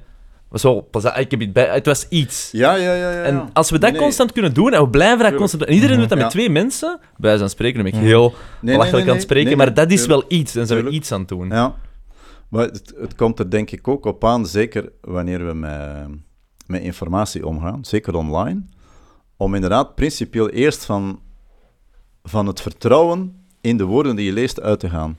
En te gaan kijken, zelfs al ziet die persoon het niet helemaal goed en zijn er aanwijzingen, aanvullingen, nuances te maken, ik kan dan twee dingen doen. Ik kan daar de slechtst mogelijke versie van maken. Ik kan die ene zwakke plek eruit halen en daar daarop kloppen om te zeggen, jij, jij, je hebt er niks van begrepen, een loser, wat dan ook. Of ik kan zeggen, wacht eens even, dat klopt volgens mij niet, maar de kern van je punt is best wel interessant. Daar kunnen we mee verder. Daar Daar zijn we heel kunnen we slecht mee in, verder. op te splitsen. Ja. Hè? Dat vind ik ook. ja. heel moeilijk vandaag, omdat er, wat mij betreft, veel te veel geredeneerd wordt. Dat is in de logica heet dat een drogargument, argumentum ad hominem. Er wordt veel te veel geredeneerd in termen van wie iets heeft gezegd, Het halo-effect. dan wat er gezegd wordt. Dus in feite maakt het niet uit of jij het nu zegt of ik of jij. Wat we zeggen is veel belangrijker en interessanter dan wie het zegt. Maar doordat we veel meer op die bekendheidscultuur Ja. zijn Ja. gaan werken. Ja. Eh, ik hou van jou omdat je bekend bent. Dan denk ik, ja, eh, so dat what? mag, maar je niet alle waarheid in Maar macht. dat is niet de waarheidsvraag. Hè? Dat is een kwestie van libidinale betrokkenheid op andere mensen. Dat is allemaal fijn, we hebben dat nodig. Maar daarom ben je inderdaad niet slimmer of niet, niet meer eh, perfect dan de rest. Dus daar moeten we proberen ergens in dat, in dat publieke debat Ja, logica, spelregels te ontwikkelen. Mhm. Eh, in termen van ja, voorwaarden, afspraken, wetende dat nooit iedereen die gaat respecteren, Mhm. uiteraard. Dat is evident. Je, je kunt die niet, je kunt publiek debat niet afdwingen. Akkoord. Je kunt wel spelregels ontwikkelen en mensen, wij dus allemaal, eh, onszelf leren opvoeden om er beter in te worden. Ik denk dat die taak heel erg nodig is. Dat Akkoord. we hopeloos onderschat hebben wat dat vandaag allemaal met zich meebrengt. Zeker de online informatie heeft het echt in een nieuwe wereld binnengebracht. Mhm. En dan er toch proberen, als je ervan uitgaat dat we wel degelijk toch een klein beetje opvoedbaar zijn, ik ben daar niet helemaal pessimistisch over, Nee, nee, nee. eh, Ik- oh, dat, dat er wel degelijk publiek debat kan in ere hersteld worden. En dat je dat dan toch moet vertalen in een democratie die beter functioneert van vandaag. Akkoord. Dan vandaag, pardon. Ja, nee, ja. Hey, daarom. ja. We zijn super akkoord. We zijn er. Het is allemaal Vraag. waar denk je doorheen dit gesprek Ja? eh, waar dat we verschillen? Want ik heb het gevoel dat we het Ja, eens zijn, ondanks ja. dat we het soms niet eens zijn, precies. Ja. En ik kan het niet pinpointen waarom. Ah, eh, wel, het heeft denk ik... te- Ik denk dat we inderdaad eens zijn over de conclusie. Hm? Ik denk dat we twee verschillende perspectieven erop nahouden. Dat wat jij voortdurend een nadruk hebt opgelegd is... Individuen moeten eh, zichzelf, hun gedrag enzovoort... eh, en dat ik ook probeer die boven-individuele factoren, Mhm. de werkzaamheid van macht in de samenleving, eh, om die ook in rekening te brengen, omdat een samenleving veel meer is dan mensen die ten individuele titel hun verantwoordelijkheid gaan opnemen. Je hebt ook, ehm laten we zeggen, de werking van, van macht en ideologie in een samenleving Mhm. zijn grote, potentieel grote stoorzenders ook in een samenleving. En je moet die ook voor een stuk in rekening brengen om te zien dat hoe hard mensen ook hun best doen in het opnemen van hun verantwoordelijkheid, dat ze er vaak niet in slagen, eh, omdat het voor hen persoonlijk niet lukt, omdat ze het niet volhouden, of omdat er zaken zijn waardoor ze inderdaad beïnvloed zijn en het niet meer helder zien. 100% en dat is, eh, wat mij betreft, een onderschatte factor in onze samenleving. de maar laatste. ik- ik Wij dan- dachten, de grote ideologiestrijd is voorbij. Ze is Hmm. meer dan ooit aanwezig, vooral op de plaats van zij die zeggen dat er geen ideologie meer aan het werk is. Maar ik ben pessimistisch en ik denk, ik weet niet of dat ik u volledig heb begrepen. Misschien was ik Ja. iets te veel in mijn hoofd aan het luisteren, dus ik, ik Ja. durf- dat zeker te zeggen. Maar om terug te gaan naar democratisch bestel, Oh. mijn, mijn pessimisme is daarvan. Ik ben, ik ben inderdaad fan van dat er iets boven moet staan en ook iets praktisch dat, dat dingen begeleidt en zo.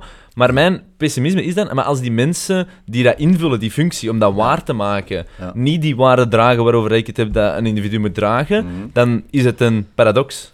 Dan wordt het moeilijk. Ja. En daarom dat ik je- terug ga, omdat ik denk, ja. Ja. alles draagt door. Want de mensen die daar zitten, hebben, als die ook niet die stijl in zekere mate aan hanteren, dan heeft het geen zin om die systemen te hebben, want dan... Ja. En dat is, maar ik ben Ja. pessimistisch, en dat geef Ja. ik toe. Eh, bij mij verschilt het van dag tot dag. Maar... Naar gelang wat ik op Twitter terugkrijg. nee, omdat bij sommige debatten denk ik soms van... Wauw, dit is echt wel terug mogelijk. Ja, Maar, maar er zijn andere momenten waarvan ik denk, dit is zo hopeloos, dat we... Dat, we allee, dat is ook een paradox. Er zijn eigenlijk heel veel mensen die, die zich niet gehoord voelen. En eh, we zijn allemaal heel luid aan het roepen om de ander te overtuigen van ons gelijk. Dus we worden eigenlijk doof van de ander, en wij dus ook, die naar anderen roepen om ons gelijk te krijgen, waardoor de ruimte om te luisteren emotioneel ingesnoerd lijkt. Het lijkt een bedreiging te zijn dat je niet per definitie uitgaat van wat jij denkt, maar eerst te luisteren naar wat de ander zegt en daar dan in die wisselwerking te gaan, omdat wat we denken en voelen veel meer dan vroeger samenhangt met onze identiteit. Als je kan inschakelen in een geloofssysteem, is jouw identiteit eigenlijk irrelevant. Dus wat je dan voelt, oké, dat zal zijn rol spelen, maar wat je denkt hangt samen met de maatschappij waar je leeft of jou voorschrijft hoe je eigenlijk hoort te denken. Dat heeft zware nadelen, we kennen die allemaal, maar dat heeft ook een voordeel, namelijk dat eh, als er eh, iemand anders jou tegenspreekt, je altijd kan doorverwijzen. Het gaat niet om mijn overtuiging, het is wat God de Heer of wat dan ook zegt. Wat is vandaag veel meer het geval? Dat is dat in feite onze identiteitsvorming een, ook een samenhang is van alle ervaringen die we hebben meegemaakt, alle overtuigingen die we hebben, hoe we eruit zien, hoe we ons kleden, of we ons vrouw of man voelen, of de 57 varianten daartussenin. En dat dan, als iemand mij dan tegenspreekt, lijkt het dat ze iets tegen mijn identiteit ook hebben, Ja. omdat wij samenvallen, toch in grote mate met onze overtuiging. Dus we gaan ook veel meer er moeten in slagen om een soort van bijna emotionele afstand te houden tussen wie we zijn en hoe we denken, omdat als we dat niet doen, ja, dan kun je niet heel uitwisseling nog tot stand brengen. Dan kun je alleen maar zeggen, ik ben zo. Maar ja, d- Ja, dan is het gedaan. Hè. Dat is afstand nemen van de biologie een beetje. Hè? Maar dat is inderdaad die Ja. logica voorop zetten. Ik denk, je kunt nooit natuurlijk emoties wegcijferen. Want dat, ja, we Nee, nee, blijven een nee. Maar ik vind wel, hoe prominent moeten ze aanwezig zijn tijdens een intellectuele uitwisseling. En dan mag dat zeker wat, wat teruggedrongen, eh, teruggedrongen Ja. worden, een Ja. beetje gedempt. Ja. Want ik denk anders geraakt het nergens. Nee. Want dan voel ik mij aangevallen en dan Ja. kan ik heel het debat Ja. opeisen Tuurlijk. op een negatieve manier. En Ja. wat is dan het gevolg daarvan? Niks. We gaan beide Ja, ja, ja, ja. elkaar minder respecteren Mhm. in plaats van het meer. Exact. exact. En be uw bewustzijn dat je een debat voert en de Ja. ander ook de ruimte geven Ja. om zijn denken Ja, te ja, ja, formuleren, ja, ja. Zonder daar direct persoonlijk aangevallen, Ja. die emotie Ja. dan erin te brengen. Hè. Dat is gewoon Nee, die ruimte bieden, dat- dat, is dat- er niet meer, wat nee, m- dat is moeilijk, omdat, weet je, ik, Ja. ik, ik schrijf dus elke twee weken een column in een krant. Dus dat is 750 woorden. Dat wil zeggen dat je als je een thema aansnijdt, een heel klein stukje daarvan Ja. kan bespreken. Ja. Er zijn dan vaak ruimte mensen voor context die mij echt scheldbrieven sturen of mails of wat dan ook. Ah, je hebt dit niet besproken en dat niet. Ja, ik kan die alleen maar gelijk geven. Ik heb Mhm. 750 woorden. Ik kan daar inderdaad Mhm. niet een halve encyclopedie in kwijt. Maar wat mij dan telkens opvalt, is dat omdat ze vaak ook terecht gewoon zeggen dat dat er niet in staat, dat is feitelijk Mhm. juist. Je kunt dan nog discussiëren over was dat het belangrijkste, maar. Maar dat ze meteen ook emotioneel overnemen door woest te worden op mij. Dus ik heb al af en toe aan mensen teruggeschreven, het is best mogelijk dat je het met mij oneens bent zonder mij uit te schelden. Dat kan. Ik stel dat zelfs voor, dat zou iets En liefst, want anders zijn we allemaal hetzelfde. En dat is veel minder verloren energie voor jou. Want Ja. die schrijven zo lange stukken. Ja. En als je dan onderaan eh doorscrollt, eh, als ik eens tijd heb, doe ik dat. Meestal is het laatste stukje heel interessant. Want als je door de scheldpartijen Ja. heen leest, staat er eigenlijk, luister naar mij, ik heb ook iets te zeggen. Ja. Dat is een roep aan erkenning. Ja. Wat mooi is, wat ik Mhm. ook volg, maar dan moeten we dat gescheld wel achterwege laten. Het Tuurlijk. wordt. Dan, Ja. dan staat ratio even Mag ik voorop. trouwens hè. een beetje water? Is Ah, ja, natuurlijk. iets in de- Ja. in de- Absoluut. in de- Ehm, nee, ja, ja ik, ben, eh, ik ben 100% akkoord. En, en ja, dat, dat is voor mij weer is een stijl. Ja. Eh, Jawel, jawel, jawel. Stijl is belangrijk. En daarom, ja, Stijl is... Nou, mijn- ik, zie, ik zie inderdaad niet wat de stap is, de praktische stap tussen mijn ja, iets te utopisch beeld, om het zo te zeggen, en waar dat we nu Mhm. staan. Maar ik geloof wel dat dat echt de stap is, want collectief gaan we het niet afgedwongen krijgen, omdat we in een systeem zitten waarin er nu eigenlijk polarisatie is op ik vertrouw het direct niet of ik vertrouw het direct wel, afhankelijk van Ja. wie of wat het zegt of hoe het Ja. gebracht is. Ja. En dan, en dan ja, ik, ik geloof niet dat we dit ja, als symptoom kunnen bestrijden. Misschien eigenlijk een praktische vraag, want je hebt er eh, ook volgens mij heel veel over nagedacht en mee geconfronteerd geweest. Nu komt er een moeilijke vraag. Nee, nee, nee. Of ja, ja, misschien eigenlijk wel. Ja. Maar gewoon, eh, wat zou jij zien als logische next step op collectief niveau of individueel? Dat maakt echt niet uit wat jij denkt van, als we hier al iets meer op kunnen X en Z doen, dan is dat tenminste een stap. Hè? Het oplossen gaan we zeker niet kunnen doen hè, in dit eh, uurtje, maar nee. een stap zetten. Maar denk een beetje aansluitend op wat ik daarnet zei, dat is dat we echt van, van heel jonge leeftijd af onszelf gaan moeten aanleren om eh, met een enorme hoeveelheid aan informatie om te gaan en daar sleutels in ontwikkelen om en kritisch te zijn daarin, eh, het verschil te kunnen maken tussen wat gefundeerd is en wat het niet is, wat dus betrouwbaar is, mogelijk betrouwbaar is en, en wat totale kwats is. En daar te kunnen vanuit gaan, daar selectiecriteria in te hebben. Want wat wij nu doen, ik schat er u 90% van de mensen, als ze iets niet weten, beginnen ze te googlen. Wel, als je wil gedesinformeerd worden, zeker op vlak van je gezondheid bijvoorbeeld, na een half uur ben je gedesinformeerd als je begint te googlen. Waarom? Omdat we niet de bagage in huis hebben om te weten, ja, maar is dat nu wel betrouwbaar en waar komt dat dan vandaan? En we denken dan allemaal, wij zijn kritisch, maar we zijn het nauwelijks. We zijn het nauwelijks. En eh, dat is één deel van het verhaal. Dus kritiek en parameters om onderscheid te maken tussen wat, wat is gefundeerd, wat kan voor waar worden aangenomen tot nader order, en wat is eigenlijk uit iemands duim gezogen en zo verder. En dan tweede punt, zijn mensen die eigenlijk zeer goede critici zijn, maar die zo zijn doorgeslagen in hun kritiek, dat ze zeggen, niks is nog betrouwbaar. En dan zit je in je hele ja. eigen bubbel opgesloten, wat heel veel mensen ook doen. Dus dat is de tweede stap. Dat is dat er finaal in de wereld nog altijd wel een aantal dingen kloppen. Dat we niet alles per definitie hoeven te wantrouwen. Dat de medemens niet 100% onbetrouwbaar is en zo verder. Dus een combinatie van leren omgaan met informatie, van kleins af aan, zeker onderwijs, Ja. belangrijke taak, ook opvoeding. En dan terug proberen op die manier te werken aan dat basisvertrouwen, doordat je er, als je dat tenminste goed in bent, en we leren onszelf dat aan, dat we toch gaan zien dat we er wel in slagen om dingen voor waar aan te nemen en dat te delen met meer dan ons eigen kringetje alleen.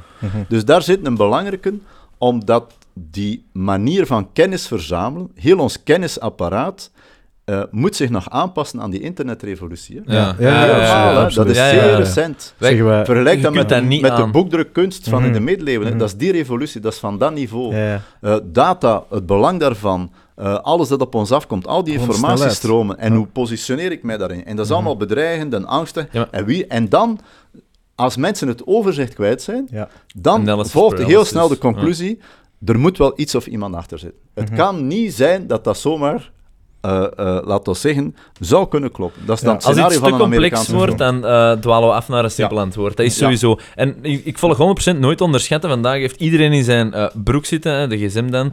Ja, al die waar, de wereld, ja, de grootste bibliotheek van 500 jaar geleden Ja. Enorm overstijgt. Hè? Ja. En we slagen Ja. er... Niemand slaagt erin om die informatieanalyse goed te doen. Dat, dat gaat niet, want je kunt niet constant zo scherp en zo alert zijn. Nee. En dan heb je wel een basis van vertrouwen nodig. Ja. En een kritische houding die zegt: oké, het kan waar zijn, maar misschien eh, is het nog niet perfect. En is. Ja. dat eh, ook weer de voordeel van de twijfelbenadering. Ehm, eh, waarbij dat je altijd wel kritisch moet blijven en dingen in vraag stellen. Ja, ja, ja, maar je moet niet ja. altijd. Nee. ehm, je kunt dat niet bij alles doen. Op een bepaald moment moet je terug Nee. praktisch leven. Ja. En dan kun je ook niet Ja. kiezen voor de shortcuts. Nee, en dat klopt. gebeurt wel, en ik ben daar helaas soms ook schuldig aan. Hè. Eh, krantenkoppen, je Ja. probeert te zien wat interesseert u, je, Mm. je leest die door, maar de ander zit er passeren, Ja. je ziet die, maar je verwerkt niet echt bewust, maar toch Ja. beweegt dat een beetje je mening. En dan moet je ook Mhm. bewust zijn van, van waar komt mijn informatie? Ah, ik heb het straks gelezen, dat heeft Ja. duidelijk iets gedaan met mij, Ja, ja, ja. maar dat is gebaseerd op niks. Dus ik moet mij heel bewust zijn dat ik daar ehm, ja, niks mee doe, met die, vra- of in Ja. vraag stel of whatever, maar Ja, nog ja, ja, ja. bewerk. Ja. Ehm, en- maar dat is een attitude ook. Ja. Eh,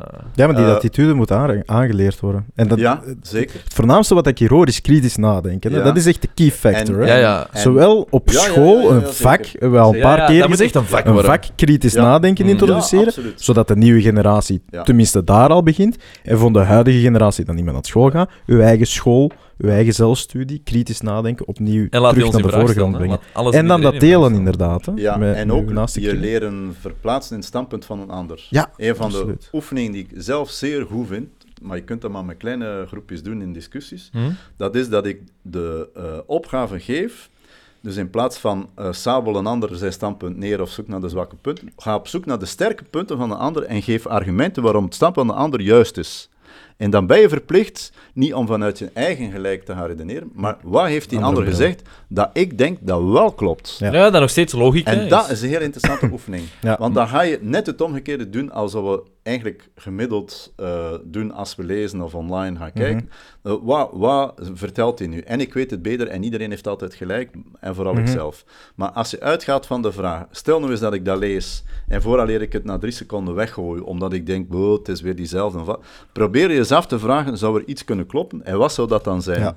En wees probeer daar eens vanuit te gaan. Dat is een Wees soort van nieuwsgierig. nieuwsgierigheid. Want Ja. nieuwsgierigheid maakt je humble en zegt het Ja. waarschijnlijk juist. Dus ik ben Ja. ook wel fan van wees kritisch nieuwsgierig. Ja. Ja. Ehm, maar Zeker wat je zegt, Huh? helaas wordt dat vandaag wel niet echt geapprecieerd. Want ik noem dat wat Nee, jij zegt, luid op nadenken. Ja, want dat is eigenlijk gewoon even Ja, meegaan, proberen te volgen. Ja. En dan nadenken, god, daar zit wel iets in. En dan gaat dat terug met eigen informatie en Ja. probeer een synthese te doen. Ja. Maar dat wordt wel als, ehm, hoe moet ik het zeggen? Want wij hebben daar ook reactie op gehad. Ik verwijs Ah, naar ja? een specifieke mail. Ja, Oké. toch wel. Ehm, en ehm, dat is toch niet zo eenvoudig, want ik ben fan van die stijl, Mhm. maar ik weet niet hoe dat die overkomt. Dus de vraag is dan, kun je die stijl overal toepassen? Ik denk vandaag de dag zeker niet, maar Nee. eigenlijk zou dat moeten kunnen. Eigenlijk Ja. zou dat cool moeten zijn dat iemand luid op nadenkt met iemand anders, waar het eigenlijk niet mee eens is. Ja. Absoluut. Dat moet cool terug zijn. En ik denk dat dat een- inderdaad een Inderdaad. heel goede test is Ja. om te zien of dat mensen Ja. klaar zijn voor een publiek debat Ja. of niet. Ja. Want als zij dat niet kunnen, Ja, ja, ja, dan zijn zij dan- zelf individueel niet klaar voor een publiek Nee. debat. En zijn Nee. daar dan misschien enkele basisdingen dat moeten veranderen. Opnieuw de test doen. Ja. En dan kunnen ze deelnemen aan de Ja. publieke debat. Ja, Ja. zeker belangrijk. En zoals je zegt ook, het moet maatschappelijk beloond, meer beloond worden dat die attitude eigenlijk de juiste is. Ja, Ja. En dat is nu absoluut niet het geval. Je wordt vooral Totaal beloond. niet. Kijkt naar het, het elkaar proberen met degens neersabelen op Twitter, je wordt beloond door je eigen groepje van fans, Ja. eh, door, door je snedige tegenwerping tegen de ander. Hè? Applaus, applaus, applaus. Je hebt eh, eh, een aantal vijanden en je hebt nog meer vriendjes bijgekregen. Die, die like-cultuur heeft dat ook wel bevorderd, Mhm. dat ik beloond word om tegen iets te zijn, om anderen te kleineren en Ja. om mijzelf superieur op te stellen. Dus die hele, nu wordt een beetje melische, hè, maar het gegeven van luisteren en die attitude om van daaruit te vertrekken, dat is een hele belangrijke. Alleen wordt dat maatschappelijk eigenlijk nergens nog goed en wel gehonoreerd. Zo van, waar ben je nu mee bezig? Je moet, hè, je moet voor jezelf opkomen, je moet je eigen standpunt ontwikkelen. Allemaal juist, dat is nodig. Moet je leren oriënteren in de wereld. Maar die oriëntatie kan alleen maar doordat ik dingen opneem die door anderen dan mezelf zijn overdacht. Zo, alle kennis die we hebben, komt niet van onszelf. Hè. We hebben die geleerd, eh, dat is ons meegegeven, we hebben daar kunnen over nadenken, dat is weer gecorrigeerd enzovoort. Dat is fantastisch. Maar dat overstijgt principieel mijn eigenste zelf. En daarna heb ik wel een paar... Het zal al meevallen als ik, als ik doodga, dat ik een paar eigen ideeën heb ontwikkeld. Dan Ja. heb ik al hard gewerkt. Meer is dat niet, hè? Ja, nee, nee, nee. Meer is dat niet. De rest komt van ergens anders. Ja, Maar absoluut. nu zitten we wel dan weer terug in het pad. En dan zullen we ze beetje later natuurlijk. maar in ehm, het gegeven waarin dat vrijheid dan wel terug extreem belangrijk wordt. Ja. Want in een, Ja. in een gegeven vandaag waar dat politiek correctheid, of dat je nu voor of tegen bent, maakt niet echt uit, hè, beïnvloedt wel het gesprek, maar dan maakt het ook wel iets meer gesloten. En ik denk Ja. wel dat zo'n gesprekken altijd extreem ruimdenkend moeten zijn als de intentie goed zit. Ik kan Ja. perfect iets fout zeggen, kunt jij mij daarop aanspreken, kan ik zeggen, oh, dat was niet de Ja. intentie, en gaan we verder, Voilà. is er geen Mhm. probleem. Tuurlijk. Dus ik denk wel dat die ruimte in dat gesprek altijd moet blijven, want anders, als je mensen bang maakt van luid op nadenken, dat kan het ergste zijn wat er is. Ja, Mhm. Tuurlijk. En dat Op een is- gezonde manier, hè. En dat is wat dat vandaag, ja, ja, ja. dat is vandaag het geval is. Dat is vandaag het geval. Ja. Wie openlijk twijfelt, je hoofd Ja. wordt eraf gehakt. Dat is zo. gedaan. Ja. Dus het, als je heel stellig bent, het liefst zo ongenuanceerd mogelijk. Mhm. Kranten hebben dan ook graag, want dan wordt er drie Mhm. dagen geklikt op de artikels. ja, ja. Eh, dat is ook geld. Kunnen ze ook Eh, advertenties ter- verkopen voor dus degene dat daar, dan- daar, daar zit er ook een systeemfout. Mhm, Absoluut. Door- Maar die- ook een individueel fout, want je moet niet klikken. Nee, dat is waar. Mhm. Dus maar we tussen stimuleren keuze het. en omstandigheden Ja, ja, maar vaak een daarom- druk. Daarmee dat je inderdaad Ja, die wisselwerking hebt. hè. Twee, twee, ja. ja. Het is echt het kip of het ei eigenlijk, hè. Oh, Maar hoe cool zou het zijn om nu eens iemand zo. te hebben dat inderdaad Ja. mijn standpunt gaat Ah. en dan een week later zegt, oké, ik heb gedebatteerd Ja. en ik was fout. Ja, Ik heb Ja. nog niet... Heb jij het al gezien? uiterst zelden. Ja. Uiterst zelden.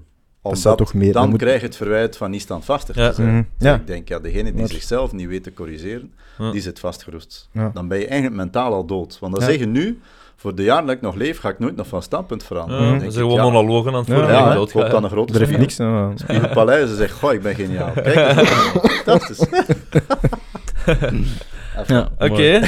Ja, geen, Ja, geen conclusies, maar eh belangrijk Nee, maar wel leuk. Leuk om even na Ja. te denken. Voilà. Ik denk, ja, allee, ik denk eh, dit gesprek aan zich, niet, niet zozeer wat we hebben gezegd, Hmm. maar gewoon het idee erachter is zo essentieel. En wat we gezegd ook, hè. maar liefst. daar kunnen meningen over hebben, maar, maar het idee erachter Nee, nee. vind ik nog belangrijker. Ja. Ja, Nee, nee, Ja, nee. la- laat het een beetje een inspiratie zijn. Hè, om- ja. Hopelijk. Ja. Ja sowieso. Ja, dat is de en ik- en Ja. dat vind ik wel het coole, want je zei het er juist ook een beetje, luide minderheid, eh, stille meerderheid. Ja. Dat valt me toch ook wel op, want ik, ik heb het ook al een paar keer gezegd, gewoon uh, behind the scenes. Ik denk dat onze podcast mijzelf ook wel meer heeft eh, geconfronteerd met, ah, de wereld is toch ook niet zo gepolariseerd als het altijd lijkt. Ja. Dus het is ook wel soms een theater, Het is Maar- vaak een façade. maar je ziet het niet altijd. Nee. Dus ik denk ook wel, het is net door gesprekken ook te voeren, dat je niet alleen meer leert, maar dat je ook jezelf nuanceert. Niet door informatie, maar dat je merkt van, Mm. een groot deel van de mensen zit ook wel meer rond dat midden, dan in dat gepolariseerd iets. Maar omdat we denken dat de wereld gepolariseerd is, starten we gesprekken met genuanceerde mensen gepolariseerd, waar het gepolariseerd wordt. Dus we hebben uiteindelijk één grote self-fulfilling prophecy. Ja, Voilà, gezellige aflevering. maar dat klinkt toch als te doorbreken. Ja, en ik ben akkoord, ja, daarom dat we hier ook zitten, hè. Ja, dat wij naïef genoeg zijn om te denken dat dat kan wijzigen. Yes. Dus, eh, oké, goed. Alright. Yes. Bedankt om eh, langs te komen, om eh, het gesprek te hebben. Dat was super gezellig. Ja, dus absoluut. eh, misschien tot fijn. later. Alright. Met veel plezier. Super. Dankjewel. Tot snel. Ja.